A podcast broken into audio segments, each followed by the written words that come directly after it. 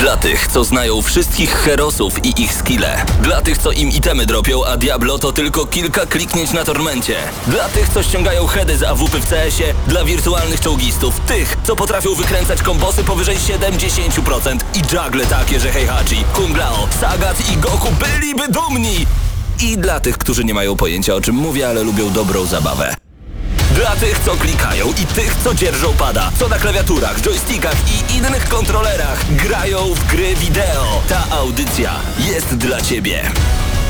Gramy na maksa w każdy wtorek o 21.00 tylko w Radiu Free.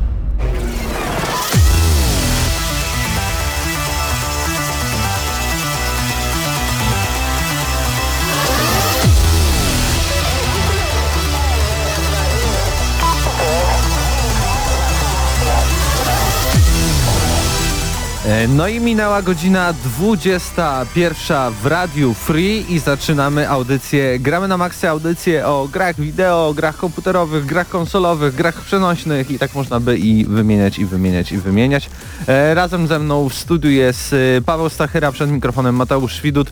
E, jest też e, całkiem duża ekipa, a tuż i dlatego, że e, w dzisiejszych planach między innymi recenzja Dirt Rally 2.0 razem tutaj z Krzyśkiem Lenarczykiem, który siedzi wręcz obok mnie. E, tak więc o tym będziemy rozmawiać. Będziemy e, rozmawiać o najlepszych grach serii e, Gwiezdnych Wojen, tak? Dobrze Pawle mówię? Tak, będziemy mówili o najlepszych grach, które wyszły w Gwiezdnych Wojnach. Mamy top 10 przygotowane dla Was i to wszystko z okazji tego, że prawdopodobnie w ten weekend dowiemy się czegoś więcej na temat y, nowego filmu tej. I też pewnie niedługo o nowej grze z serii Gwiezdnych Wojen, bo Tak. też ten event się tym zbliża. tygodniu, zresztą na tym, na tym właśnie evencie, wydaje mi się, tam właśnie dowiemy się o Jedi y, The Fallen Order, czyli nowej gry od Respawn, twórców m.in. Apexa oraz y, oryginalnych twórców Ko- Koda na przykład 4. No i Titanfalla oczywiście, nie zapominajmy Tak, no, o tej Titanfalla. serii. Jasne, y, również świetna seria i no wszyscy jesteśmy zainteresowani, bo rok temu na E3 to się dowiedzieliśmy głównie, że mm, prezenterzy EA mają kiepskie dowcipy na ten temat. E, Oby i tym razem się to po, powtórzyło, to będzie o czym rozmawiać. A także w dzisiejszej audycji e, omówimy subskrypcję PlayStation Plus i Xbox Live Gold, bo pamiętajmy, że w ramach tych subskrypcji pojawiają się również i gry i jakieś ciekawe deale, tak więc i o tym będzie e, w e, wtorkowym odcinku e, audycji Gramy na Maxa. Na starcie chcielibyśmy jeszcze pozdrowić naszego wiernego, wieloletniego słuchacza Karola Kuśnierza, który kończy dzisiaj 43 lata. No to wszystkiego, wszystkiego najlepszego. Już tylko z górki. Już tylko skórki, dokładnie tak. E, dobrze, e, w takim razie e, zanim przejdziemy może do stałego e, elementu naszej audycji, czyli takiego news shota, zapytam się ciebie jeszcze, w co ostatnio grałeś? Co ostatnio grałem? Chyba wiesz w co ostatnio grałem i jakie miałem co do tego e, odczucia. Grałem w Elder Scrolls Blades. Grę, która na poprzednim E3 była zapowiadana jako nowy, pełnoprawny przedstawiciel jakby tej, tej serii, tylko że na komórkach, tak? E, Nie zostali wybuczeni jak, e, jak e, twórcy Diablo, kiedy ogłosili Immortal, ponieważ przy okazji zapowiedzieli też właśnie Fallouta 76 oraz parę innych tytułów, więc, więc tak jakby mieli tą osłonę, że hej, robimy też porządne tytuły. No ale ta gra wreszcie wyszła. Miała być, mówię, takim doświadczeniem Elder Scrollsowym, ale dostępnym mm, na, na telefonach. No i rzeczywiście, gameplayowo, gdybyśmy patrzyli zupełnie tylko i wyłącznie na konstrukcję tej gry, absolutnie się zgadzam. To jest naprawdę mm, jedna z najbardziej mm, przyjemnych do grania i rozbudowanych RP, RPGów na, na tych platformach. No ale oczywiście, jak to Bethesda nie mogło być zupełnie prosto drogą, wiesz, na trzeźwo i te sprawy. Mamy tutaj mikrotransakcje, jak zwykle w grach mobilnych, ale są piekielnie denerwujące, bo płacimy za wszystko. Za rozpakowywanie lutu, który, na który czasami musimy czekać pół godziny, godzinę, tak dalej. Mm, Za naprawienie broni, czy, czy ulepszenie jej również y, płacimy, chyba że chcemy poczekać. Tylko mówię, to są czasy oczekiwania typu chcesz naprawić broń, żeby tam użyć jej w następnym y, tunelu, który pójdziesz zwiedzać, no to poczekaj pół godziny. Trochę to jest zaskoczenie, no bo można powiedzieć, że hej, to gra mobilna, nie? Czego się spodziewałeś? No ale wydali wcześniej Fallouta, y, Fallouta Shelter, tak? Który był grą mobilną, a nie miał aż takich problemów z mikrotransakcjami. No i powiem Ci szczerze, no rozczarowanie dla mnie. Ech, To tyle. to, to tyle, nawet nie wiem jak to skomentować, A co Ty grałeś, echam, echam. Mateuszu? Ja grałem w grę, która pojawiła się 4 lata temu, zapewne wszyscy o niej już 10 razy słyszeli i możliwe, że i 10 razy o niej zapomnieli. E, grałem w Her Story na PC-cie, dziwo, no ale to, ta gra tylko pojawiła się na PC-cie, a także na, e, na komórkach, ale tylko z iOS-em. E, to jest gra, która polega na rozwikłaniu e, pewnej tajemnicy zaginięcia mężczyzny. Mm, My tak naprawdę wchodzimy w taki e, komputer policyjny z lat 90. i tam znajdują się posiekane nagrania z przesłuchania żony tego mężczyzny. E, Także pojawiają się też inne informacje i ogólnie chodzi o to, żeby poskładać to wszystko w jedną całość i dowiedzieć się, co się stało z tym, z tym człowiekiem. Dla każdego jakby gracza ta droga, e, ta, ta przejście tej, tej gry, jeśli można w ogóle przejść tą grę, bo po prostu znajdujemy wszystkie klipy, wszystkie informacje i, i wtedy kończymy Her Story, no, ale będzie za każdym razem inne, bo każdy w, od innego klipu zacznie, od innej informacji, e, przeczytania. E, e, tak więc e, bardzo ciekawa nawet nie powiedziałbym, że to jest gra, to jest bardziej taki film interaktywny, w którym pojawiają się też jakieś pewne elementy z gier wideo, ale mm, warto sprawdzić. Na pewno dużo teraz nie kosztuje, tak jak mówię, gra e, pojawiła się e, ponad 4 lata temu, tak więc zapewne w jakiś Humble Bundle, czy tam na przecenach na Steamie można ją e, z pewnością e, łatwo znaleźć. Absolutnie polecamy, bo to jest bardzo unikalna, jeżeli chodzi o narrację gra. No raczej nie ma czegoś takiego, o czym mogę sobie przypomnieć. Chyba nie, nie było. To jest, no mówię, to jest ciekawa historia, którą możemy poznać od tak wielu kątów, że mm, jakby wasze, a waszego kolegi, koleżanki doświadczenie będzie zupełnie inne. No i wygrała z Wiedźminem w kategorii narracja. W, na The Game Awards w 2015 roku dos, dostali nagrodę za najlepszą narrację, która była nagrodą zarówno za historię, jak i za sposób jej przedstawiania. Ale tutaj e, Wiedźmin się też pojawia, bo kiedy czytali, zdaje się, e, ogłaszali tą nagrodę, podali coś w stylu CD Projekt Red, Her Story. I było wielkie zakłopotanie, kamera poszła na przedstawiciela CD Projektu, który zaczął się rozglądać dookoła, jakby dopiero wstał, w sumie wyglądał jakby dopiero wstał, zdziwionego. Także- A warto zaznaczyć, że tą grę robiła jedna osoba, a nie studio, które ma e, 300 deweloperów na pokładzie, tak więc to tym bardziej komicznie. Polecamy się zapoznać. Tak, polecamy naprawdę Heart Story. E, Zanim przejdziemy do News Shota, jeszcze wspomnę, można nas zobaczyć teraz i usłyszeć i, i, i wszystko, i nawet napisać do nas na czacie, na YouTubie. E, GNM tak- Crew. GNM Crew, tak. Albo po prostu gramy na maksa, tam najnowszy film oznaczony na żywo, to właśnie nadajemy też i w wideo.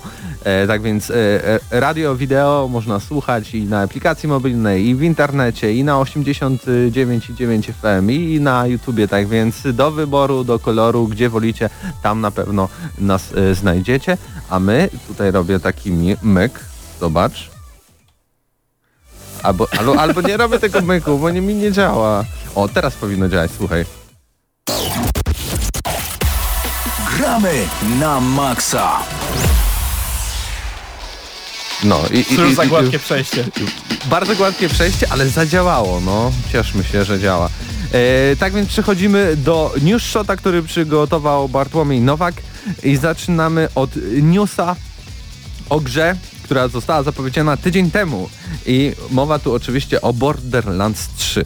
E, I tutaj cytuję, split screeny nie są popularne we współczesnych produkcjach, ale fani wspólnego grania na kanapie obok siebie będą zadowoleni z informacji, że właśnie Borderlands 3 otrzyma tryb podzielonego ekranu. Według usuniętego już e, GameStopu opisu gry wynika, że tytuł otrzyma skalowanie poziomu graczy mechanikami, aby zmniejszyć przepaść w przypadku współpracy niskolevelowej postaci, a już bardziej rozbudowanej. Będę się tutaj przebijał przez jakąś mgłę, którą mam e, w umyśle, jeżeli chodzi o moją pamięć, ale wydaje mi się, że coś takiego już było w tej grze.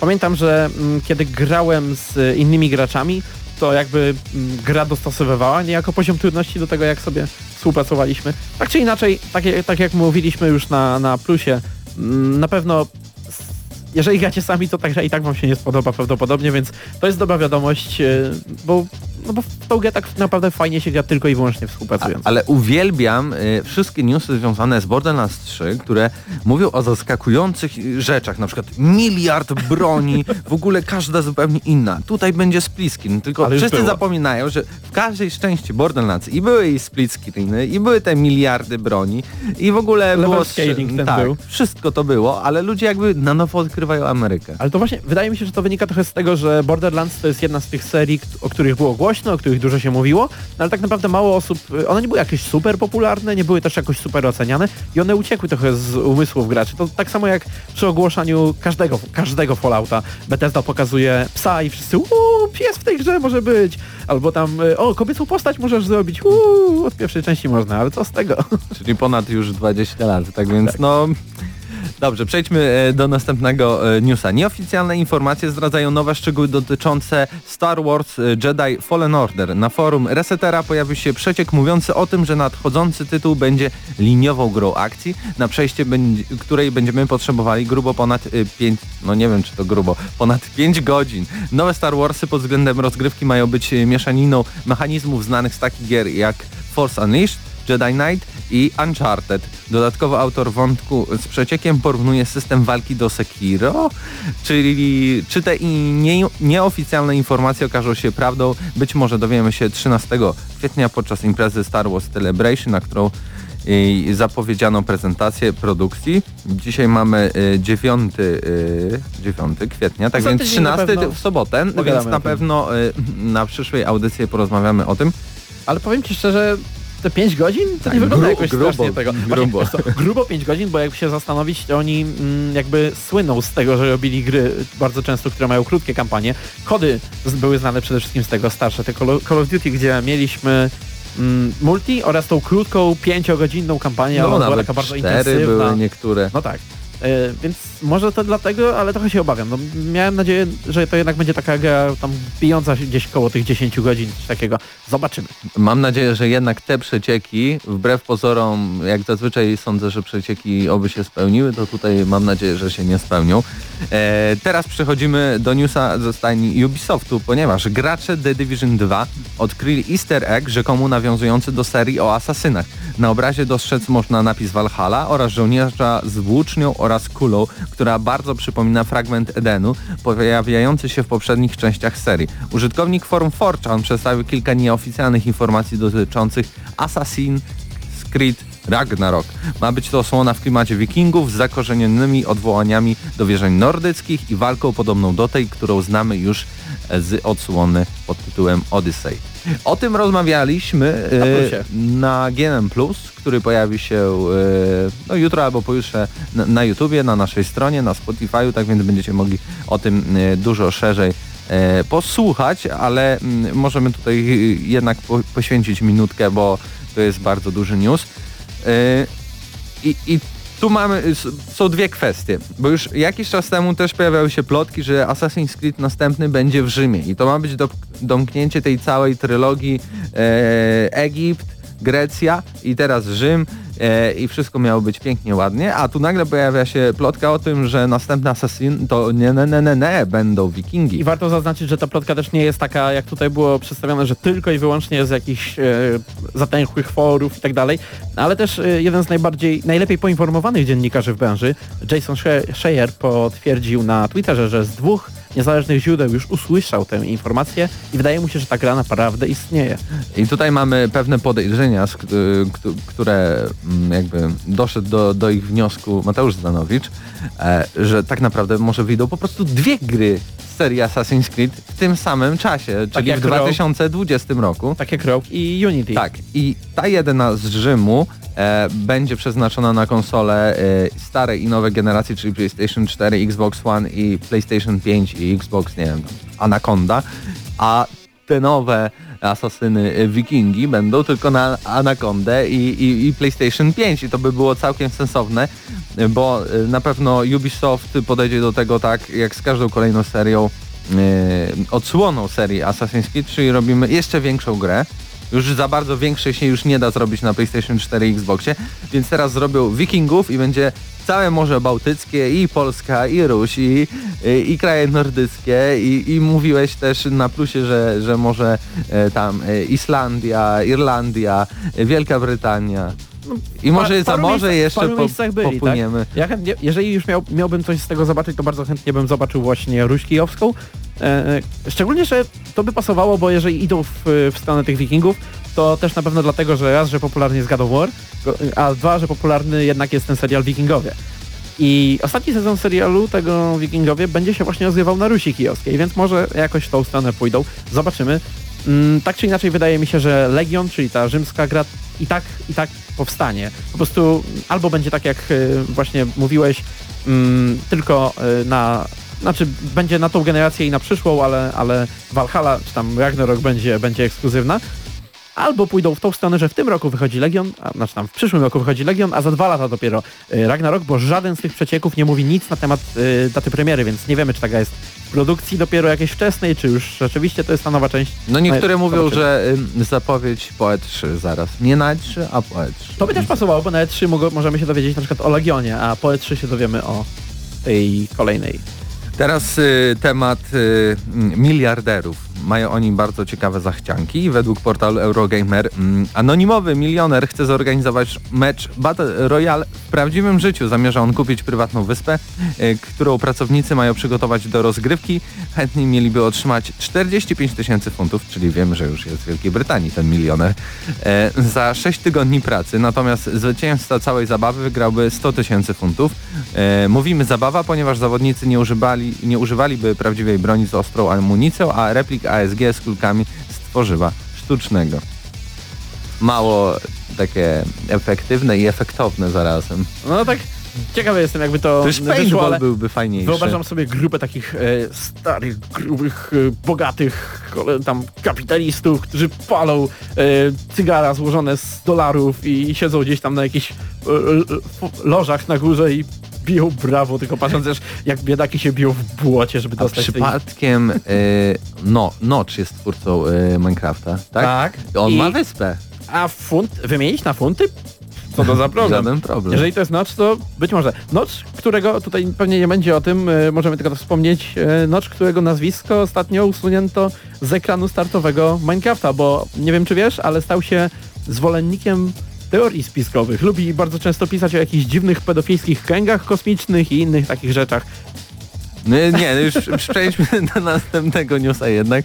E, tutaj e, o grze, o której mówiłeś, bo mobilna odsłona The Elder Scrolls już dostępna do pobrania za darmo na iOS i Android. E, starsze zwoje o podtytule Blade są co prawda jeszcze we wczesnym dostępie, ale nie przeszkodziło to tytułowi, aby został pobrany przez zainteresowanych już ponad milion razy. Z czego pewnie tak z 50 tysięcy zagrało, bo tam na początku była wielka kolejka, nie dało się zagrać w ogóle w tą grę. No, ale jakby już o Elder Scrolls mówiliśmy na początku Pomijamy. audycji, więc e, przechodzimy już do ostatniego newsa. Wojna między Steamem i Epic Games Store nadal trwa. Najnowsze zaognienie się dyskusji na temat owych cyfrowych platform miało miejsce po wypowiedzi dawnego pracownika Valve, Richarda Geldreicha, według którego Steam zabija rynek gier komputerowych. Chodzi mu o nałożenie na Steamie 30% podatku, co według niego zaburzyło balans na rynku, a sam Steam stał się, jak mówi, maszynką do drukowania pieniędzy, co wypaczyło całą firmę. Twierdzi również, że Epic obecnie naprawia rynek dla wszystkich graczy. Mm, to tak, Epic tak naprawia rynek, tak samo jak mówił wcześniej, e, albo obrońcy jakby tego sklepu nowego, mówią, że jest to konkurencja dla Steama, tylko tak konkurencja w sumie nie działa tak, że się odcina ludziom dostęp do gry, jeżeli nie kupicie w naszym sklepie i nie zmieniają ceny i tak dalej. No to tak samo tutaj z tym naprawianiem. E, No okej, Oczywiście. e, ale wiesz, muszą czymś grać, 30 no to jest początek. Te 30% to rzeczywiście może być problem, szczególnie dla mniejszych deweloperów, mm, takich wiesz, małych, indyczych, Hair Story, te sprawy, gdzie, gdzie oni często pracują nad grą miesiącami, latami i mm, zazwyczaj robią to na skraju bankructwa albo zapożyczając się. Był taki fajny dokument polski o, o y, twórcach indyczych, którzy, którzy właśnie tak y, pracowali nad grą i, i to nie jest, to nie jest y, przyjemne, bo później przychodzi data premiery i nie wiesz co się stanie, nie? Masz bardzo małą szansę, że się uda. Masz malutką, jeszcze że, że będzie super hitem, a tak ogólnie prawdopodobnie się nie uda i wtedy zostajesz z długami, zostajesz z problemami, a trzeba robić już nową grę. Albo I wychodzisz praktycznie na zero, y, zarabiasz 30 dolarów, z czego ci 10 dolarów za, y, zabiera Steam, prawda? No właśnie, I i to 20 zostaje z dla gry na ciebie. grę, to dlatego e, mniejsza marża na pewno pomoże się rozwinąć e, mniejszym deweloperom. Tylko To nawet wiesz, VAT jest mniejszy, bo to 23%. No to widzisz, a tu masz nawet 30. nasze państwo Ale mniej nas 30 okrada niż 30 Steam. to nie jest tak, że tylko Steam to robi. E, robią to wszyscy na wszystkich platformach. No ale To to te jest inne e, platformy... branżowa e, marża ogólnie. No okej, ale masz te inne platformy, które są jednak platformami danych wydawców, te popularniejsze, prawda? Ale nie, ale e, Epic Games Store 12%. Konsole. A, Też. no, no, ach, no, no dobra, okej, To są to, to prawda. Więksi. Ta, ta, tam to już jest w ogóle totalna patologia. Podejrzewam, że marży sami sobie nie ciągną tam na e, tym, na Originie czy na Ubisoft Store. Uplayu to się nazywa, Uplayu. A ja wiem, no może na utrzymanie tego Nie mogę się doczekać, żeby zalogować się w domu na Uplay, pogadać z moimi już znajomymi. Weź, bo się zakrztuszę. Dobrze, to był y, news shot y, przygotowany przez Bartłomieja Nowaka. E, my teraz puścimy sobie jakąś y, fajną muzykę i przechodzimy do recenzji Dirt Rally 2.0.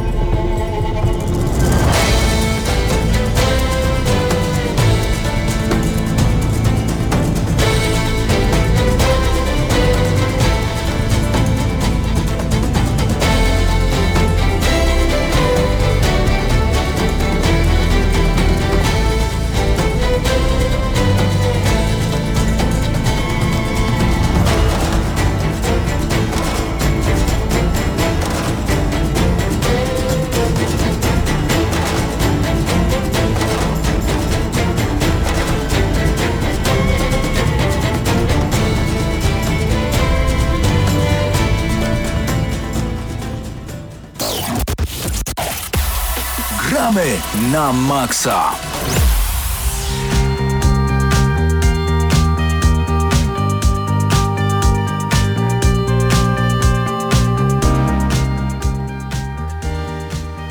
Wgramy na maksa czas na recenzję Dirt Rally e, 2.0 razem ze mną w studiu Krzysztof Lenart. przed mikrofonem Mateusz Świdut. E, No i zaczynamy e, standardowo od takich faktów, że gra w ogóle pojawiła się 26 lutego 2019 roku, czyli bieżącego na PlayStation 4, Xbox One e, i PC ma pełną polską wersję językową, tak więc też usłyszymy pilotów w samochodach, którzy zwracają się do nas po polsku, chociaż ale o, o tym później, ale bardzo są tacy drętwi, jeśli chodzi o wypowiadanie tych wszystkich Ale komend. mają swoje plusy, o których na pewno powiem ja, bo byłem osobą, która w Derta 4 grała zaskakująco dużo i grając w Dirt Rally 2 mogę się bezpośrednio do tego odnieść. E, tak więc y, no, to jest oczywiście kontynuacja y, już tak naprawdę serii, bo mieliśmy już e, Delta Rally 1, e, stąd y, to 2.0 czy, czy też y, y, 2.0. I- Ale, w- 2.0 jak to Tak. zabrzmiało. ale w sumie nie ma dużo tego typu gier.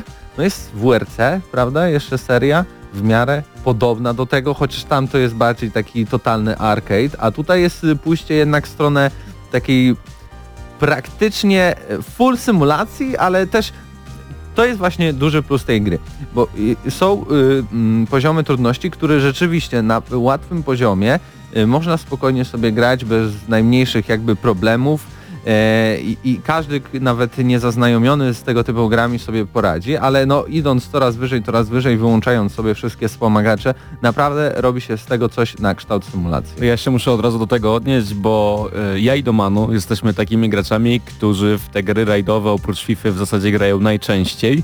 I fakt był taki, że Domanu, którego oczywiście serdecznie pozdrawiam, otrzymał jako pierwszy tę grę sobie do zagrania, do potestowania i mówi, że no, no w sumie no ta gra to taka symulacja, że tak na padzie no to tak nie bardzo sobie pogram, że tak średnio mu się gra. Ja mówię, dobra Piotr, dawaj mi tego pada do Xboxa, muszę wypróbować jak to jest, bo aż nie wierzę, że jest tak trudno. No i jak się okazało, gra nie była taka trudna, tak symulacyjna, jak, jak to się wszystkim wydawało, bo e, w dużej mierze mm, w pewien sposób to jest takie odstępstwo, to znaczy e, gra jest bardzo różnorodna, jak powiedziałeś, jeżeli chodzi o poziom trudności. Nie ma żadnych problemów, jeżeli chodzi o granie na padzie, na tych wszystkich symulacjach, na tych wszystkich ułatwiaczach, ale gdy chcemy sobie to wyłączyć, e, tak naprawdę, no to bardzo szybko ten poziom trudności w sterowaniu pojazdu możemy sobie podnieść. I też co istotne w trybie kariery, tak naprawdę gra sama po tych pierwszych odcinkach testowych, które przyjeżdżamy, ten poziom trudności, wszystkie ułatwiacze sobie wybiera wobec nas lub nam je sugeruje i my później już tego nie możemy de facto e, zmienić. Tylko jeżeli powiedzmy będziemy mm, o wiele szybsi lub o wiele wolniejsi niż to, co założył sobie komputer. No i to jest bardzo fajne, bo tak naprawdę w tej grze każdy odnajdzie coś dla siebie, ale na przykład jakbym miał porównać e, tą symulacyjność w stosunku do gry, w którą no, grałem najwięcej w ostatnim czasie, jeżeli chodzi o, chodzi o rajdy, czyli o grę e, e, z serii WRC, tą poprzednią, która wyszła no, jakiś tam czas temu, prawie rok czy, czy kawałek więcej, no to ta gra zdecydowanie bardziej przypomina symulację niż, niż właśnie e, pro, gra produkcji studia Kyloton, e, czyli w zasadzie Codemasters po raz kolejny górą w tym przypadku. E, Też tutaj zaznaczyłbym, że w sumie ten poziom trudności często też jest uzależniony, e, a przede wszystkim wręcz od tego, e, jakim pojazdem się poruszamy, bo w rzeczywistości te starsze pojazdy, przynajmniej dla mnie w tej wersji takiej, że sobie ustawiłem praktycznie symulację i to na padzie, chociaż zapewne tutaj znajdą się też i, i tacy gracze, którzy powiedzą, jak możecie recenzować grę, która jest wręcz stworzona na kierownicę, a, a wy tu graliście na padzie i coś mówicie w ogóle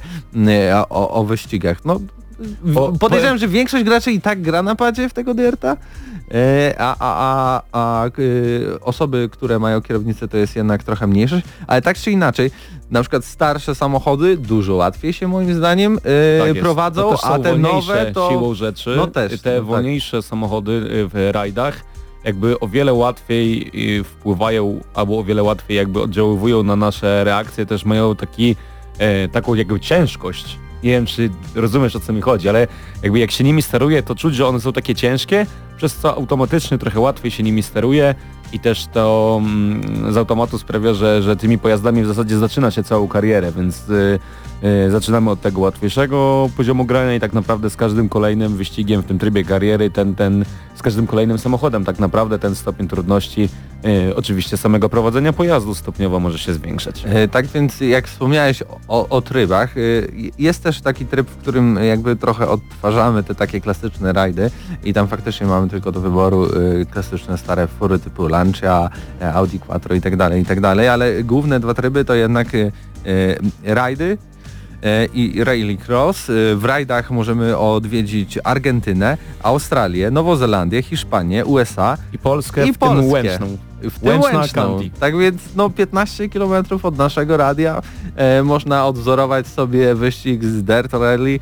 E, chyba, że macie daleko, to chyba taniej wyjdzie po prostu kupić grę i sobie po, przejechać e, po, po, po łąkach, po pagórkach Łęcznej. Natomiast ja się chciałem też odnieść bezpośrednio do tej drugiej części trybu kariery, czyli do rallycrossów, które w końcu, mimo że momentami kwalifikacje do samych tych wyścigów rallycrossowych stały się może bardziej monotonne niż zwykle, ale same te rallycrossy zostały niemalże dopracowane do perfekcji i widać, że jakby z gry na grę, gdzie te wyścigi rallycrossowe się pojawiały, zostały rozwinięte do granic możliwości i tutaj w Dercie Rally 2.0 tak naprawdę one w jakimś stopniu y, może nie zajmują większości tej gry, jeżeli chodzi o tryb kariery, ale sporą jakby jej część to właśnie są te rallycrossy i zostały one dopracowane do, do granic możliwości tak naprawdę, bo i planowanie taktyki i sam model jazdy i trasy całkiem zróżnicowane i przede wszystkim sztuczna inteligencja w, w, tych, y, w, tym, w tym trybie, bo w Darcie 4 trochę te wyścigi czy rallycrossy leżały, no tutaj zdecydowanie to naprawiono, przez co no moje, mi się na przykład bardzo w, w to grało przyjemnie. E, Jeśli też chodzi o rallycrossy, to tam e, trochę jakby lista krajów się różni, bo tutaj mamy Belgię, Kanadę, Anglię, Francję, Norwegię, Portugalię e, i Hisz- Hiszpanię, co y, trochę zaskakujące. Brak tu w ogóle opcji ani, ani, ani tras śnieżnych. Czy w rajdach, bo rajdach. Czy też trochę jest tak, że w rajdach mm, To, ale to by zupełnie grę inaczej... podzielono na sezony No tak. e, i jakby ma być tak, że część tras z jedynki jakoś tam wróci w tych sezonach, więc podejrzewam, że tam będą te trasy śnieżne, no ale na ten moment No tego nie jak ma. ja grałem, no, no to tego, tego tak To naprawdę jest nie było. trochę zaskakujące, no bo wiadomo, że dla fanów rajdów y, ściganie się na lodzie, na, na śniegu jest to nie lada gratka. No ale niestety na, na ten moment, znaczy na moment oczywiście premiery powiedzmy, bo też zależnie, zależnie od tego jak tam gracie I kiedy słuchacie i tej kiedy słuchacie tej recenzji, no to y, tak, tego jeszcze nie było. E, ale nie ma śniegu, ale, ale jest deszcz na przykład i tu faktycznie, mm, e, co ciekawe, następuje degradacja terenu, więc to nie jest tak, że na przykład sobie dany odcinek przejedziecie raz czy drugi e, i, i trasa wygląda tak samo, bo w zależności od tego ile pada, jak pada tego deszczu, to, to, to błoto się rozjeżdża. E, tego błota jest coraz więcej, więcej jest wody, tak więc y, za każdym razem jakby dany odcinek, dany zakręt, który wydaje się, że znacie praktycznie na 100%, e, e, może wyglądać e, rzeczywiście inaczej e, i, i podejście do niego w klasycznym stylu, że tutaj dam trochę więcej gazu i, i nie będę hamował, może się okazać e, e, nieco zgubne. Y, Też y, jeżeli mówimy o zmianie, o gradacji terenów czy powierzchni, po której jeździmy, to, to warto zaznaczyć, że w zasadzie e, jak mówiłem, że w rallycrossach do, dojście do perfekcji trochę zajęło, ale w końcu się to udało, to wydaje mi się, że jeżeli chodzi o taką interakcję z nawierzchnią, z błotem, e, z, z chopkami i tak dalej, no to tutaj też zostało to rozwinięte w stosunku do zarówno do Derta Rally poprzedniego, jak i do Derta 4 i chyba nie ma takiej drugiej gry, która tak dobrze oddało, oddawałaby to, po jakiej powierzchni jeździmy. E, ja wiem, że tutaj na pewno y, osoby, które są fanami Richard Burns z, jeszcze z PlayStation 2 powiedzą, no tam to było, kiedyś to było. No kiedyś to było, ta gra dalej jest uważana za jedną z najlepszych rajdówek, ale tutaj naprawdę robi to wrażenie i z czystym sumieniem dla fanów powiedzmy tej zmienności nawierzchni możemy tę grę polecić.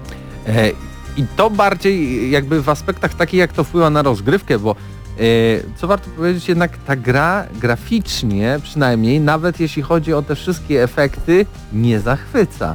Bo na konsolach, bo graliśmy e, na Xboxie One, ty One X masz? Nie, na zwykłym One, na Fat. Ale e, Paweł Typiak, którego dzisiaj z nami nie ma, a który też chciał recenzować bardzo Delta, on ma One Xa i też mówił, że ta gra za dobrze nie wygląda. Oczywiście na PC możecie to ładnie podkreślić, yy, całą oprawę graficzną. No ale też rozumiem jakby twórców, dlaczego to zostało zrobione, bo i na konsolach yy, każdej z wersji, czy to X, czy zwykły, czy One S, macie to 60 klatek na sekundę, które jest stałe i nie zdarzyło mi się tak, żeby gra mi szarpała przynajmniej. Dwie kwestie, znaczy ta gra może być i ładna i brzydka zarazem, bo e, mi w zasadzie w ogóle nie przeszkadza to jak ona wygląda. Niby jest stałe 60 fps-ów, ale na Xboxie One potrafi czasami chrupnąć i wtedy zdecydowanie tracimy panowanie nad, nad naszym samochodem i no tracimy cenne sekundy, no co w rajdach jest bardzo istotne, ale z drugiej strony no ten silnik studia Quadmasters jakby z gry na grę on się w zasadzie nie rozwija, nawet bym powiedział, że trochę się starzeje. No i to nie można więcej wycisnąć jakby czegoś nie zmieniając technologii na inną. No moim zdaniem nie wygląda to źle, na pewno wygląda powiedzmy akceptowalnie, dobrze. No konkurencja nie ma ładniejszej grafiki, jeżeli chodzi o rajdy, więc zdecydowanie też nie. nie wiem czy możemy powiedzieć, że oprawa graficzna w tej grze jest słaba.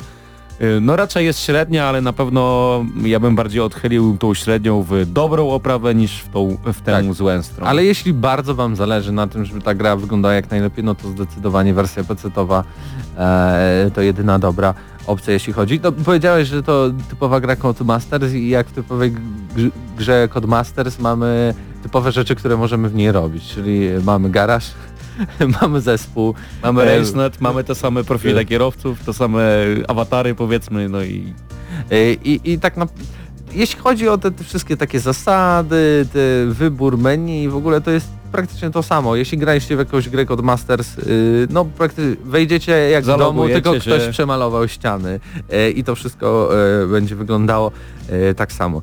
Mm, No ale nie do końca, bo w tej części brakuje na przykład opcji przewijania czasu, która też pojawiała tak. się w innych dertach, więc jakby tutaj plus dla osób, które jakby szukają takiej stricte zabawy, stricte zabawy symulacyjnej, no bo Ja się ostro zaskoczyłem, bo tak jadę, wziąłem sobie jakiś strasznie długi odcinek, e, jechałem 20 minut i w 15 minucie zrobiłeś błąd. wypadłem i się, dobra, escape. A patrzę, nie ma. Nie, nie da się cofnąć. Mówię, nie, nie, od początku. No i no niestety No właśnie ta gra y, nie wybacza. Ja miałem bardzo podobnie i w zasadzie na jednej z pierwszych tam plansz y, bardzo dobry czas wykręciłem i w pewnym momencie były takie barierki, y, przez które jakoś tak dziwnie gra, ten mój samochód powiedzmy mm, wpadł w ten system kolizji, który trochę się powiedzmy zbagował i wypadłem za te barierki i ani nie mogłem tego samochodu zresetować, ani nie mogłem stamtąd wyjechać.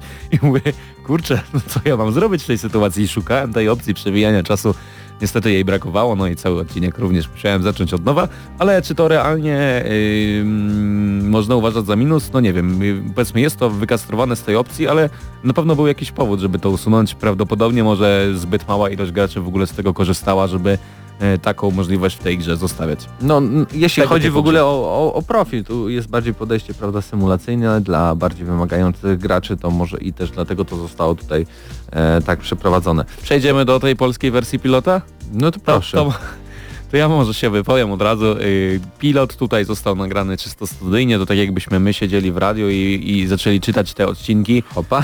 Yy, na przykład nie unikniono klasycznych błędów, to znaczy, że pilot potrafi zmylić nas, to znaczy powiedzieć, że będzie coś, czego nie ma lub powiedzieć, że coś będzie, a tego to się później nie zdarza, no ale to jest chyba nieuniknione w tego typu grze. Albo poziomy też na przykład zakrętów i tak dalej. Często jest Znaczy, tak, no że tak. ja się przygotowuję, że tu będzie no po prostu taki zakręt, że no nie, nie, nie przejadę, muszę, muszę wyhamować, Ale a okazuje jest- się, że można przejechać spokojnie. To jest już charakterystyczny błąd, jeżeli chodzi o gry rajdowe i wydaje mi się, że to jest coś, czego chyba nie można przeskoczyć, jeżeli chodzi o tego typu grę, ale z drugiej strony mm, brakuje mu takich irytujących, to znaczy w pozytywnym sensie, bo w Dercie 4 mieliśmy takie coś jak nie tnij, nie tnij, no tutaj tego brakuje i, i cieszy mnie to, chociaż oczywiście w pewien sposób e, ta studyjność, taka sztuczność, bo można to nazwać sztucznością tego polskiego pilota, e, potrafi wybić nas z imersji z samego rajdu, z samego no, wyścigu, jeżeli można tak powiedzieć. Mam nadzieję, że nie urażam tutaj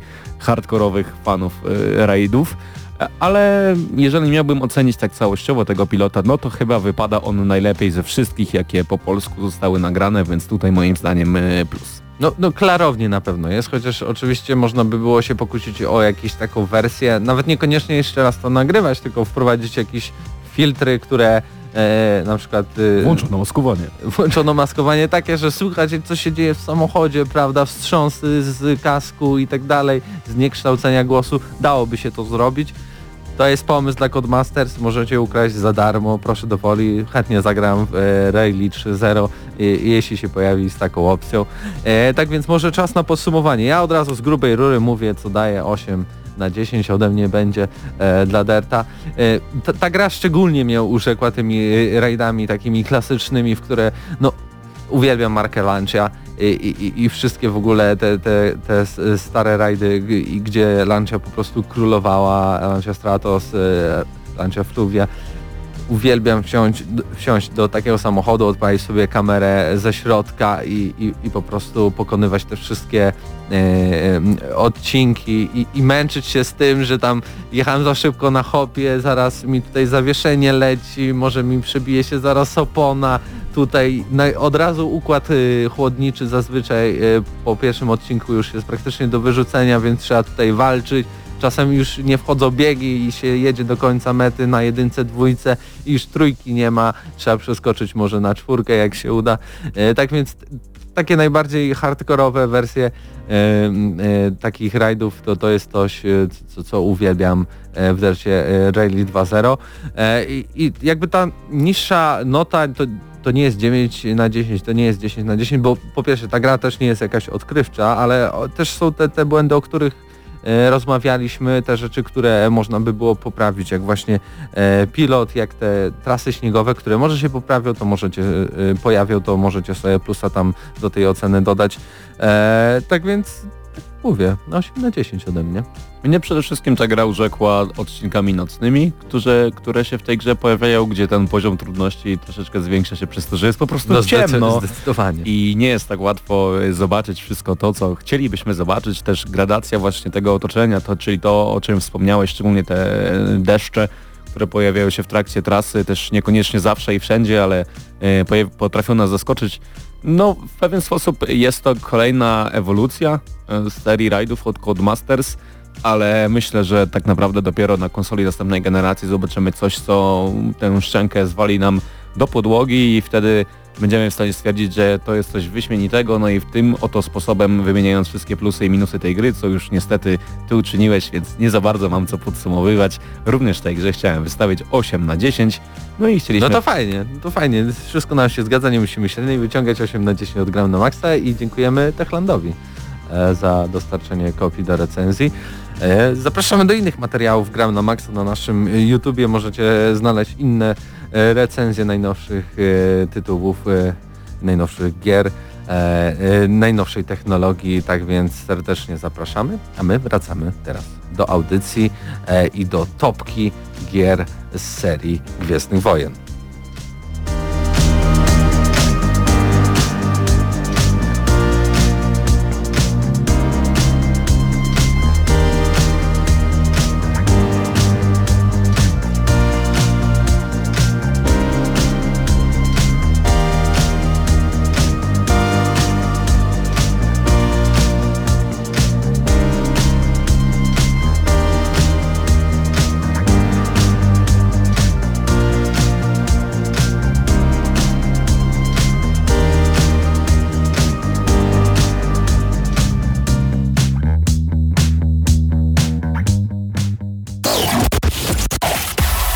Gramy na maksa.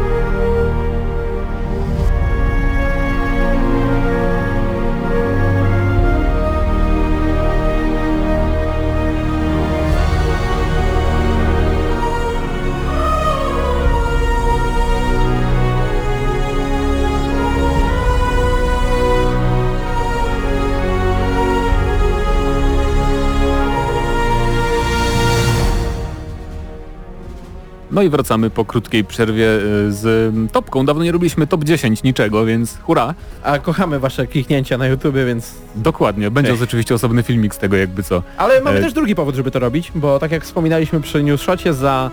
W, te, w ten weekend bę- odbędzie się Star Wars Celebration, czyli ten, e, jak to wydarzenie, na którym raz, że będziemy wiedzieli coś o nowym filmie z tej serii, a dwa, że dowiemy się więcej na temat e, Jedi The Fallen Order. Także w tym tygodniu dużo newsów będzie pod kątem Gwiezdnych Wojen, także pomyśleliśmy, że opowiemy o 10 najlepszych naszym zdaniem grach e, w świecie Gwiezdnych Wojen. Tak, i na Po- początek taki disclaimer mały, że nie chcieliśmy jakby powtarzać e, kolejnych odsłon tej samej serii, bo moglibyśmy wymienić na przykład tutaj wszystkie z tak zwanej tej serii Jedi Knight, czyli te Dark Forces starsze i tak dalej, i tak dalej, więc Tak, staraliśmy się tutaj raczej e, różne cykle, różne, różne, różne serie właśnie wymieniać po jednej... Chcieliśmy też jakby zaatakować to z różnych stron, jeżeli chodzi o gatunki, więc mamy bardzo gatunkowo tutaj ciekawą mieszankę. A zaczynamy od miejsca dziesiątego, nad, na którym znajduje się Star Wars The Force Unleashed, e, czyli produkcja chyba jedyna taka naprawdę nastawiona mm, maksymalnie na akcję z tej, z tej naszej listy, z tego co, tak patrzę sobie i to była gra, która przede wszystkim zachwycała em, wizualnie, w swoim czasie oczywiście, ale system walki, bo dla mnie to była taka gra e, mm, 7 na 10 może, Historia była na pewno lepsza niż w sequelu, o którym nie będziemy mówić, bo nie jest tego wart za bardzo, ale, ale przede wszystkim właśnie pamiętam, że wizualnie byłem zachwycony. Wtedy jeszcze chyba dostałem nowy komputer, więc to w ogóle było. Wiesz dlaczego ta gra tutaj jest? Bo to jest prawdopodobnie najlepsza wersja, mm, jeżeli chodzi o fizyczne pokazanie mocy Mm, w to grach, prawda. tak? Bo ta gra przede wszystkim skupiała się na tym, że używaliśmy mocy, używając też silnika fizyki. A to były te czasy, kiedy takie wczesne chyba Xbox 360, że Mhm. wszyscy chcieli bardzo dużo fajnych e, efektów wykorzystać dzięki nowej mocy. No ale o tej grze również dużo powie Krzysio Lenarczyk, który z nami tutaj siedzi jako trzecia część trio. Trzeci ekspert. Trzecie trio od Star Warsów. Właściwie jedyne trio, a trzecia część. Co mogę powiedzieć o Force Unleashed? Jak wspomniałeś, y, silnik fizyczny tej gry był zaskakująco rozbudowany e, i efektowny, ale miało to jeden zasadniczy minus. Zarówno na wersji PC-owej, jak i konsolowej naprawdę potrafiło to przyciąć no, najmocniejszy komputer, jaki tylko mogliśmy posiadać takiej konsole. I tak naprawdę, no jak ja grałem na swoim PC-cie, to je- gdy grałem w tę grę, no to musiałem używanie mocy ograniczyć do minimum, ponieważ ona mi się po prostu zacinała. Nawet w tle widzicie teraz gameplay z wersji Xboxowej i to widać, że to no... Klatkuje. Przez co jakby no straciłem dużą przyjemność z tej gry, no ale jak, jak sobie przypomnę ją, no to naprawdę można było z niej czerpać wiele, ale tak jak Mateusz e, Zdanowicz wspominał, zajmuje ona miejsce dziesiąte, szczególnie dlatego, że no to było takie typowe 7 na 10. No Znaczy, nie więcej, mnie, mnie, nie tam, mnie tam rozczarowywał model walki mieczem trochę, był taki... Jak jakbym cepem walczył. Pamiętajcie też, że dziesiąte to dalej jest dziesiąte wśród dziesięciu najlepszych Jasne, gier, ale oczywiście. również y, trzeba pamiętać, że to jest tylko jedna seria i tak poza tym dziesiątym tam niżej to już ciężko było powoli już znaleźć y, jakieś gry, które by się tutaj mogły No, bo tych serii nie było tak e, dużo Star Warsowych. wcisnąć. Tak. Tak naprawdę. No ale przechodzimy teraz do miejsca dziewiątego, to jest troszeczkę y, moja inicjatywa, bo nie wiem czy ktoś jeszcze w redakcji w to grał. Chyba nie. Mm, Star Wars Star Demolition. Wars Demolition to była gra na PlayStation 1. Y, Wydaje mi się, że wyszła jeszcze na PC, ale to już nie jestem, mm, nie wiem tego. Było to coś w rodzaju Destruction Derby, gdzie wykorzystywaliśmy pojazdy oraz postaci znane z filmów oraz y, jakiegoś tam bardziej rozszerzonego uniwersum. Niesamowita była ta rozgrywka, bo mieliśmy raz, że każda, każda nasza postać, każdy pojazd miał zupełnie inne statystyki, inne umiejętności specjalne. To jeszcze do tego, do tego mapy były bardzo reaktywne. Mogliśmy niszczyć jakieś e, ich elementy, przechodzić taj, tajnymi przejściami na e, ukryte fragmenty tych map, gdzie zbieraliśmy lepsze jakieś bonusy. Mogliśmy wykorzystywać e, otoczenie do niszczenia przeciwników, e, a dodatkowo nasz jakby wybór bohaterów był bardzo ciekawy, bo mogliśmy od y, pojedynczego Boba Fetta, dla którego pojazd, za pojazd liczył się ten jego plecak, którym on sobie latał, aż po jakieś ATST, czyli te takie chodzące na dwóch nogach y, maszyny. Tak, tak, tak. Przypomniałeś mi filmik pewien Red Letter Media, nieważne. ATST. Dokładnie. Dobra. Ale powiem Ci tak, że w ogóle o tej grze nigdy, w- w życiu nie słyszałem, nie to, że nie grałem, po prostu dziś się dowiedziałem, że istniała. Więc to jednak była dosyć niszowa rzecz, ale tak z tego co opisujesz, to dosyć oryginalne na, Na gameplayu widzicie właśnie jak Boba Fett gra w szachy, więc y, no, żebyście rozumieli co w tej grze było. Y, Ale przechodzimy dalej i tutaj mamy mm, coś bardziej mm, taki crossover, mianowicie Lego i tutaj konkre- konkretnie Complete Saga, czyli to, w którym mieliśmy zarówno y, oryginalną trylogię, jak i prequelową, no i myślę, że tutaj na pewno najwięcej na ten temat będzie wiedział Krzysiu. Przeszedłem tę grę 5 razy albo ze 6 razy na 100%. Ale za chwilę całą sagę, czy tylko jedną Eee, grę? W zasadzie całą sagę. O matko. I mówię Nieźle. tutaj i w em, wersji, wersji prequelowej i później Original Story, bo tak się nazywała część, która wyszła później, no i później cały Complete Collection y, z dwóch powodów. Teraz już wiemy tak naprawdę jakie są gry Lego, co one ze sobą niosą i tak dalej, ale wówczas była to pierwsza gra e, tak naprawdę tego typu i i to, co zobaczyliśmy, czyli połączenie tej, tych realiów Star Warsów z humorem, który tam się pojawił, z cutscenkami niemymi, gdzie e, w zasadzie wszystkie postacie, które znaliśmy, e, porozmawiały się takimi dziwnymi mruknięciami albo takimi okrzykami, co naprawdę e, potrafiło niejednokrotnie rozbawić nas do łez też czasami w tych cutscenkach, które dobrze znaliśmy z filmu, bo one były niemalże odzorowane jeden do jednego, pojawiały się właśnie rzeczy takie związane z klockami Lego. To naprawdę było super, szczególnie dla młodszych odbiorców. Bardzo ciekawie właśnie rozwiązane to połączenie licencji filmowej z, y, z tą y, jakby y, licencją Lego, bo w grze zarówno jakby mogliśmy odgrywać to, co widzieliśmy na, na ekranie, ale też mogliśmy jakby budować pewne elementy klocków Lego, mogliśmy jakby je burzyć, odblokow- odblokowywać sobie setki różnych postaci z uniwersum Star Warsów i później sobie wykonywać też każda z tych postaci oczywiście miała pewien, pewien określony zestaw e, cech i umiejętności indywidualnych tylko dla siebie. Te umiejętności oczywiście z czasem y, potrafiły się powtarzać, ale jakby graczom to nie przeszkadzało. Świetna gra też przede wszystkim dla koopa, y, dla, dla graczy, dla dwóch graczy, przede wszystkim skierowana dla dwóch graczy, bo tak naprawdę to był jedyny sposób, najlepszy sposób, jak można było przechodzić tę grę, szczególnie jak miało się jakieś rodzeństwo i, i fana Star Warsów, no Albo to... Patryka, Albo, Ciesielkę. albo Patryka i spędzać przy tym naprawdę wiele godzin. Ja z, z perspektywy czasu doceniam tę grę z dwóch powodów. Przede wszystkim, że była na licencji Star Warsów, no i zaczęła to ten cały boom na gry Lego, które rozwinęły się w, może w nieznacznym stopniu, ale rozwinęły się do tego stopnia, że dzisiaj są bardzo popularne i w zasadzie każde uniwersum filmowe już taką grę posiada, a wtedy była to zupełna nowość i w zasadzie z tych wszystkich gier, które wyszły do dzisiaj, nie tylko jeżeli chodzi o Star Wars, ale i Lego, jest to chyba najlepsza albo jedna z najlepszych, jakie kiedykolwiek wyszły. Dlatego też jest na naszej liście i polecamy. Następne miejsce, Siódme. em, siódme, to Tutaj mamy Rogue Squadron. przedstawiciel latadeł, bo było dużo gier w świecie Star Wars, gdzie lataliśmy. Mieliśmy X-Wingi, mieliśmy jakieś inne gry, których tytułów nie pamiętam. No i właśnie Rock Squadron, zdaniem graczy tutaj w, w naszej redakcji, którzy grywali w te lata, latadła, było najlepsze. Dlaczego było najlepsze, Mateuszu? E, To jest trochę, mm, to jest problematyczne miejsce, bo ja nie jestem dużym fanem latadeł, ale pamiętam, że to wspominam najlepiej. To jest gra, która wyszła na Nintendo 64 i w ogóle stąd jest najbardziej znana i wtedy ta konsola była strasznie popularna. Ale trafiła też o dziwo, po jedyny port tej gry był na PC-cie, nie, nie na innych konsolach, więc to było dosyć ciekawe. I z tego co wspominam, tam był naprawdę bardzo przyjemny model latania. Ogólnie akcja rozgrywała się przede wszystkim nad powierzchnią planet bezpośrednio, ale mieliśmy bardzo dobrą strukturę misji, e, jakby rozsądny podział i były fajne cele, były różnorodne cele przede wszystkim. To nie było tylko, że latamy i robimy w każdej misji to samo, chociaż może to tak wyglądać, jak oglądamy tę grę oczywiście, no bo latamy i strzelamy, prawda, ale były bardzo zróżnicowane, że tak powiem, warunki zwycięstw i tak dalej, i tak dalej. Więc, no mówię, nie, nie jestem w stanie się wypowiedzieć, czy to na pewno jest najlepsza, najlepsze latadło Star Warsowe, jak sobie tak porównuję. Najlepsze, które pamiętamy. Najlepsze, które pamiętamy, też najlepsze współczesne, bo te y, klasyki tak zwane, czyli X-Wing, właśnie TIE Fighter, to jednak są gry, które ja już nie umiem dziś w nie grać na przykład, jak No próbowałem sobie odpalać te, te starsze tytuły, więc Inna Rogue, rzecz... No. Rogue Squadron też niestety nie można tego już kupić na- nawet legalnie na PC nigdzie. Na PC też? Mm, Wydaje mi się, że nie. e, miałem właśnie powiedzieć, że jeżeli chcecie, jeżeli chcecie to nabyć, to na PC to się nazywało mm, Rock Squadron 3D. E, natomiast jest na Gogu, jak się okazuje. Zerknę na pewno, czy to jest tylko czasem na Gogu, wiesz, są, jest na Gogu, proszę bardzo. Rogue Squad 37 zł możecie sobie kupić. Tak jest, no właśnie, więc, e, więc jest, jest, jest jeszcze dostępne, polecamy śmia- serdecznie i przechodzimy do Klasyka. kolej... tak, klasyka, przechodzimy do kolejnego miejsca i to jest chyba jedyny FPS na tej liście, czyli Nie, Rep jeden z dw... o, no, no tak, nie, nie FPS, rzeczywiście, No masz właśnie. rację. Republic Commando.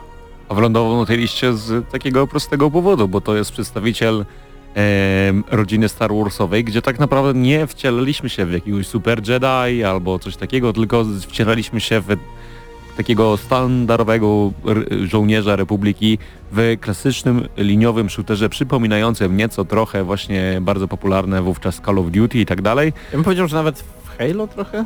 Trochę, Bardziej, bardziej chyba Halo, no bo trochę... to myśmy ten Halo, to, może być interfejs... kwestia, to może być kwestia też estetyki, bo to było wiadomo, przyszłość, kosmos, te sprawy, więc naturalnie się bardziej Ale ta gra właśnie była taka specyficzna jak na warunki Gwiezdnych Wojen i też y, warto zaznaczyć tutaj, że całkiem niedawno można sobie było ją odświeżyć, bo wylądowała w abonamencie Mhm. Xbox y, Live Games with Gold, czy jak to tam Tak, i na Xboxie One. X jest nawet troszkę, y, ten emulator sam w sobie, to nie, to nie jest gra jakoś tam specjalnie ulepszana, ale emulator ją trochę y, podrasował, że tak powiem. I Jeżeli chodzi o samą rozgrywkę, jeszcze ci przerwę, przepraszam na chwilę, to ona też jakoś bardzo się nie zestarzała. Dalej potrafi być miodna, dalej potrafi wciągnąć, więc jeżeli nie graliście, no to ja z To całego serduszka mogę serdecznie polecić i już Ci Pawle oddaję głos. Szczególnie, że za serduszko chwyta też y, sama mm, jakby opowieść. To jest, y, to jest taka prosta opowieść typowo gwiezdnowojenna, skierowana też do takich powiedzmy 15-latków, ale też myślę, że ona y, wpłynie na takich 15-latków w nas, w sensie tak Pięk- jak się, jaraliśmy, jak się jaraliśmy prequelami, to tak samo wiesz, nawet jeżeli dzisiaj podchodzimy cynicznie i nam się nie podobają z No perspektywy gra czasu, wzięła najlepszy to ta element gra, tak, jest, tak jak y, ten serial y, Wojny Klonów, tak? To Ten animowany, w sensie ten taki kreskówkowy. Obydwa. Obydwa, okej. Ten pierwszy był nawet dużo lepszy.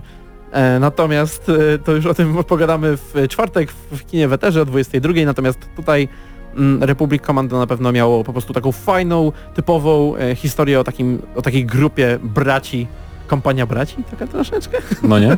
Prawie. Dobra, ale teraz przechodzimy do jedynego przedstawiciela strategii na naszej liście, mianowicie Empire at War, a jest to jedyny przedstawiciel strategii na, na Bo inne nie liście, powstały. Bo, chyba powstały Nie, no, wcześniej, ale powstały. były kiepskie. Te, No. te, one miały zawsze ten problem, jak i wiele gier y, z, z Gwiezdnych Wojen, że no, one były takie e, zrobione na licencji, nawet przyjemnie, wiadomo, każdy chciał zobaczyć w akcji te wielkie bitwy, ale to pewnie nigdy nie wychodziło. I dopiero Empire at War wszystko zmieniło, bo mieliśmy zarówno bitwy na powierzchniach planet, jak i bitwy w kosmosie. Ta gra jakby mm, z tego, że- z tego powodu, że działała na dwóch poziomach, to tak jakby dawała nam już wszystko, co chcieliśmy mieć od tej gry. A sama w sobie też była po prostu dobrze zorganizowanym e, RTS-em, który zresztą chyba do dziś można odpalić na e, PC-cie. Tak, Wiem, on że- nawet bodajże w ubiegłym roku był jakiś patch nawet do tej gry, że faktycznie odświe- odświeżyli multiplayer, że można teraz grać sobie po sieci. e, Bez żadnych tam modów i tak dalej. Jak ja mam wspomnieć coś o tej grze, no to z tych wszystkich, poza oczywiście Lego, to chyba grałem najwięcej właśnie w Empire at War. E, Z dwóch powodów, bo bardzo szybko po premierze wpadła mi w ręce oryginalna polska wersja z polskim dubbingiem, który naprawdę To były czasy. e, no robił wrażenie jak Darth Vader e, mówił właśnie sobie po polsku w grze strategicznej. I na takim młodszym graczu, czyli takim, w którym ówcześnie byłem, naprawdę, naprawdę mi się to podobało, ale em, bardzo ciekawe kampanie, które były w tej grze, też e, dodatek, który wprowadził trochę więcej niż to, co zawierała podstawka. E, Sam system e, walki może trochę odstawał od tego, co można było zobaczyć w najlepszych grach e, RTS-owych ówczesnych czasów, ale jakby mm, ciężko może było się twórcom rozdwoić, żeby i ten system walki w kosmosie i ten system walki naziemnej był jakiś wyśmienity. On był dobry, nie jakiś znakomity, bo był. E, Ten system walki w kosmosie, on bardziej przypominał taką jakąś bitwę morską. Morską, tak, trochę jak e, teraz mamy Battlefield Battlefield Gothic Gothic. Armadę, tak, Mhm. tylko że trochę na większą skalę.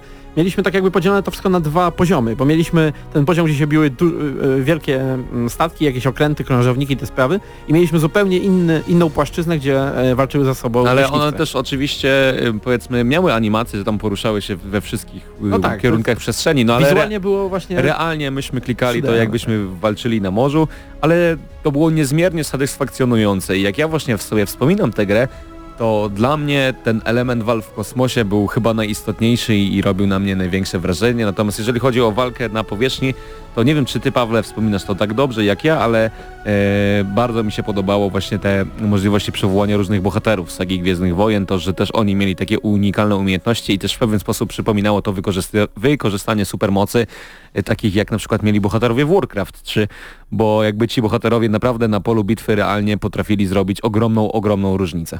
I dlatego ta gra jest na naszym, tutaj u nas na czwartym miejscu na naszej liście. Na piątym, na czwartym jest Na- tak, e, na też, piątym, gra, też gra z pojazdami, czwartym, tak. też gra z pojazdami, troszkę mniejszymi i szyb, nie wiem czy szybszymi. Wyścigówka w świecie Star Wars. Episode One Racer Nie konkretnie. spodziewałbym się kiedykolwiek, Grałem tylko w demo, że coś takiego... także Ja grałem, oj dużo, oj wiem, że było dużo przyjemnie, ale, ale w tamtych czasach chyba więcej grałem w Wipeouty. Powiem Ci tak, to jest, e, to była gra Star Wars Racer wydana przy okazji, e, zdaje się już jak wychodził drugi film z e, prequelowej serii, ale odnosił się do tej sceny z wyścigami z pierwszych Gwiezdnych Wojen, tak? No tak. Gdzie Anakin, Anakin ścigał się tymi dziwnymi pojazdami, w, w, w którym to wyścigu praktycznie wszyscy uczestnicy ginęli. Tutaj to się dało odczuć, bo jeździliśmy właśnie takimi dziwnymi, wydającymi się, wyglądającymi jak takie składaki, jakby się miały rozpaść pojazdami. No i wędrowaliśmy przez różne mapy przy mega szybkości. W sensie, ta gra nie była może wipeoutem, nie? Ale ta gra na pewno dawała nam poczucie, że jednak pędzimy z, z, z zawrotną prędkością i małe nawet uderzenie o ścianę, czy jakieś powiedzmy jakaś kolizja, tutaj coś mogło się skończyć dla nas tragicznie. Tak więc też taka gra, właśnie jak Wipeouty czy F-Zero, że musiałeś mm, zapamiętać do, dos, doskonale tor i tak dalej, podchodzić Dokładnie. kilka razy. To jest, to jest gra, która jest u mnie na szczycie listy, jeżeli chodzi o gry, których remake'i chcę zobaczyć y, z Gwiezdnych Wojen, tak? Ale na szczęście Ona zasługuje na remake. dziś też możecie na PC sprawdzić, nabyć. Tak, e, na Gogu jest od zeszłego roku Mhm. zdaje się, I wam też odświeżona trochę wersja. Mogę sprzedać ciekawostkę, że ta gra zepsuła mi mój pierwszy komputer. To, nie- to nie znaczy- kupujcie. To nie, przepraszam, nie ma tego na naszej liście.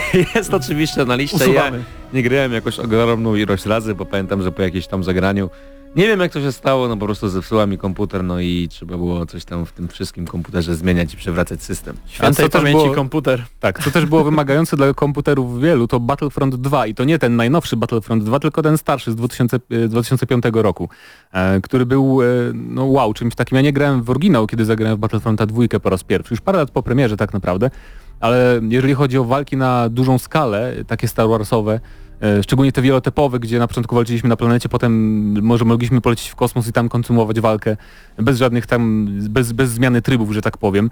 To było naprawdę piekielnie imponujące i ta gra też dziś działa, do, do dzisiaj normalnie. Nie, nie kojarzę, czy, z, czy musimy jakieś mody instalować, żeby grać po sieci, ale możemy. Możemy i nawet to jest, są wiel, bardzo duże i bardzo łatwe w obsłudze, jak że tak się wyrażę, poradniki do tego.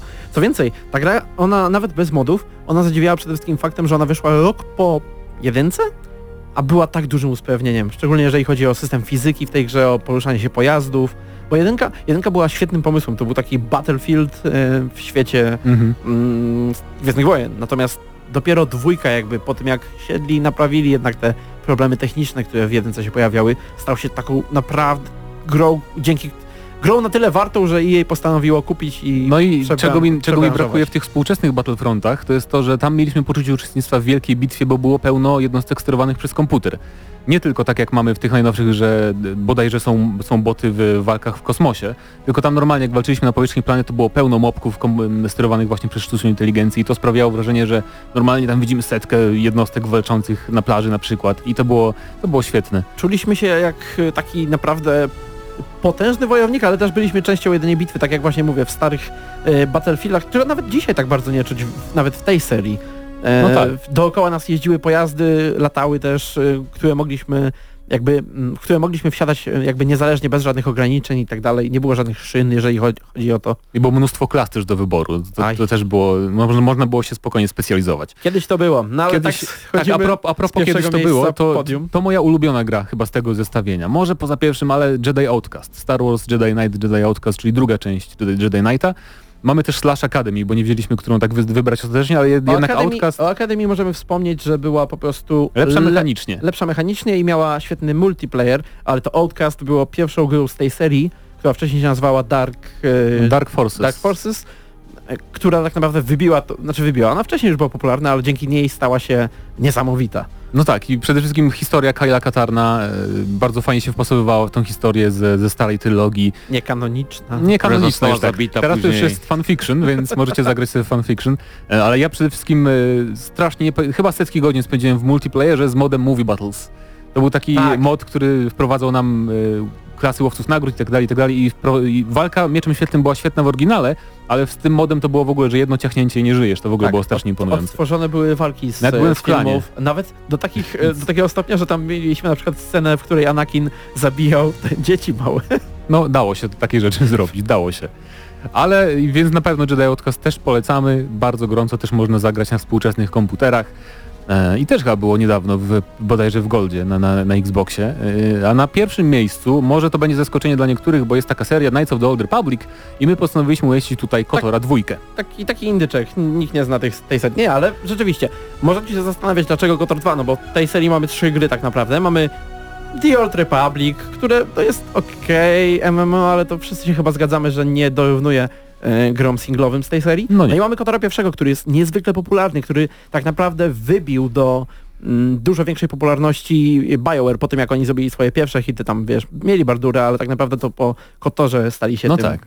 I mi się Kotor podobał pierwszy. Historia była taka typowo Star Warsowa, nie? Tak. Ale e, przede wszystkim postacie ale były... Problem z tym, że pierwszy Kotor jest mechanicznie beznadziejny.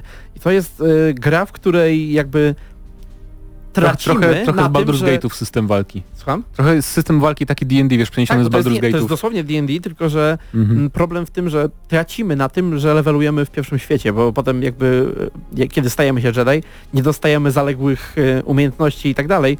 I ta gra ogólnie była skonstruowana, miała dużo takich problemów, błędów. Widać, że oni jakby lepsi byli w opowiadaniu historii niż w robieniu Tak jest. e, nie w robieniu gry. Co ciekawe, mm, można teraz zagrać w to na telefonie, więc jak ktoś chce sobie odświeżyć, to jak najbardziej. Ale pierwszym naszym miejscem nie jest właśnie jedynka, tylko dwójka. I ta dwójka, ona kiedy wyszła, nie spotkała się z aż takim ciepłym przyjęciem. Ona przede wszystkim była niedokończona. Jak to Obsidian Entertainment, właśnie, nie nasze ulubione studio. To Obsidian, więc chyba spodziewacie się, dlaczego była niedokończona. Natomiast e, kiedy już fani ją dokończyli, za pomocą modów, które przywracały wycięte elementy z tej gry, ona jest najlepszą opowieścią w świecie Star Wars. Jest lepszą opowieścią niż jakikolwiek film, książka, gra, komiks, cokolwiek. Tak, E, ale właśnie też do tego to było jakby zgubą po części, bo gracze oczekiwali takiej, wiecie, epickiej historii, takiej typowo Star Warsowej, filmowej, a to jest jednak takie troszkę bardziej subtelne w Kotorze 2, Tak, nie? Jest, ona nie jest- ona nie odcienie jest- szarości. prosta. Przede wszystkim ona jest... O, ona się bardzo mi kojarzy z The Last Jedi. The Last Jedi, który podzielił ludzi, ponieważ e, jakby starał się być dekonstrukcją e, Gwiezdnych Wojen, no ale jednocześnie nie poszedł za ciosem, bo wiesz, za dekonstrukcją musi być jakaś konstrukcja, musisz coś odtworzyć, tak?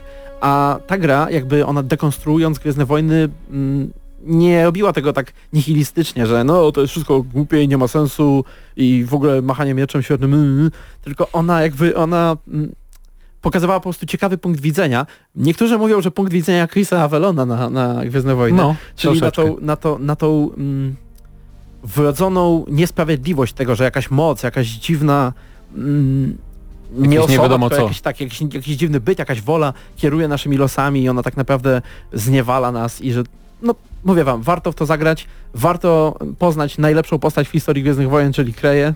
Tak jest. No Obsidian, no, najlepsza postać, to jakby się, to się przewijało już na i w plusach i na audycjach, więc, to więc też, to też mod, y, zmodować to nie jest ciężko. Jeden mod wystarczy, y, że, że ten, który przywraca wycięty content. Więc polecamy. Krzysiek jeszcze chciał słowo. Ja chciałem też dodać coś od siebie a propos tej gry. No niestety mi nie dane było zagrać w Kotora ani jakby po premierze, ani jakby wiele lat czy wiele, trochę później, ale zagrałem no całkiem niedawno i muszę przyznać, że ta gra się strasznie zestarzała, jeżeli chodzi o mechanikę, rozgrywkę i, i mimo tego, że jest na pierwszym miejscu, w moim osobistym rankingu raczej na pierwszym miejscu by nie była, chociaż oczywiście ma wyśmienitą fabułę i tak dalej, to wszystko o czym powiedzieliście, ale no to jak się zestarzała niegodnie moim zdaniem y, sprawia, że nie do końca tak bym się nad nią zachwycał i powiedziałbym, nie do końca zgodziłbym się, że aż tak bardzo jest warto nadrobienia w 2019 roku. I tu się nie zgodzę, ponieważ mechanicznie ta gra również jest wielkim skokiem do przodu względem pierwszego Kotora. Oczywiście, to nie jest nowoczesna gra, to nie jest coś, czego wiecie, co, czego się spodziewacie po RPG w 2019, ale mm, ona jakby usprawniła przede wszystkim wszystko, co mieliśmy w, w pierwszej odsłonie. Dodała syste- tryby, jakieś, e, jakby, jakby to powiedzieć, dodała style walki, style walki, że tak Mhm. powiedzmy, które zmieniały troszeczkę nam e, rozgrywkę. Mamy, od razu zaczynamy jako Jedi, więc nie ma żadnych podchodów i tak dalej. A sam system walki, on jest taki dosyć no, specyficzny, RPGowy, no bo jakby nie sterujemy bezpośrednio naszą postacią, tylko wskazujemy, kogo ma bić i wybieramy ciosy, pauzując raz na jakiś czas. Więc rzeczywiście to jakby nie jest e, ten jest nowoczesny najbardziej efektowny, sposób, taki nie tak, jest współczesny, ale ale Ale i tak absolutnie polecamy mimo wszystko. możecie to odwiedzić, chociaż najlepiej gdybyście to zrobili na telefonie, jeżeli to kiedyś się pojawi na Androidzie, bo No właśnie. to jest idealna, idealny sposób, żeby I z tej tym moim zdaniem, no jak najbardziej mogę się zgodzić, bo jak sobie tak o tym pomyślę, no to doskonały pomysł Pawle, mam nadzieję, że ktoś go od ciebie podkupi. Więc i czekamy tak na newsy stanie. z tym związane. To było nasze top 10 gier Star Wars. Dajcie na czacie, mamy, mamy nadzieję, że teraz dyskutujecie właśnie na ten temat, a my już za chwilkę będziemy się z wami żegnać.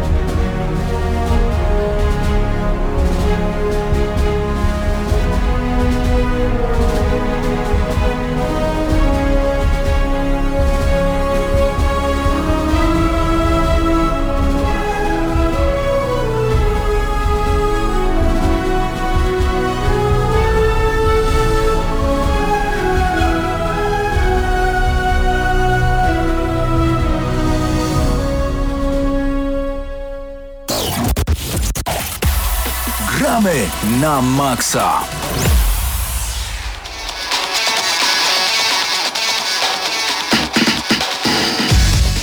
No i kończymy audycję Gramy na Maxa.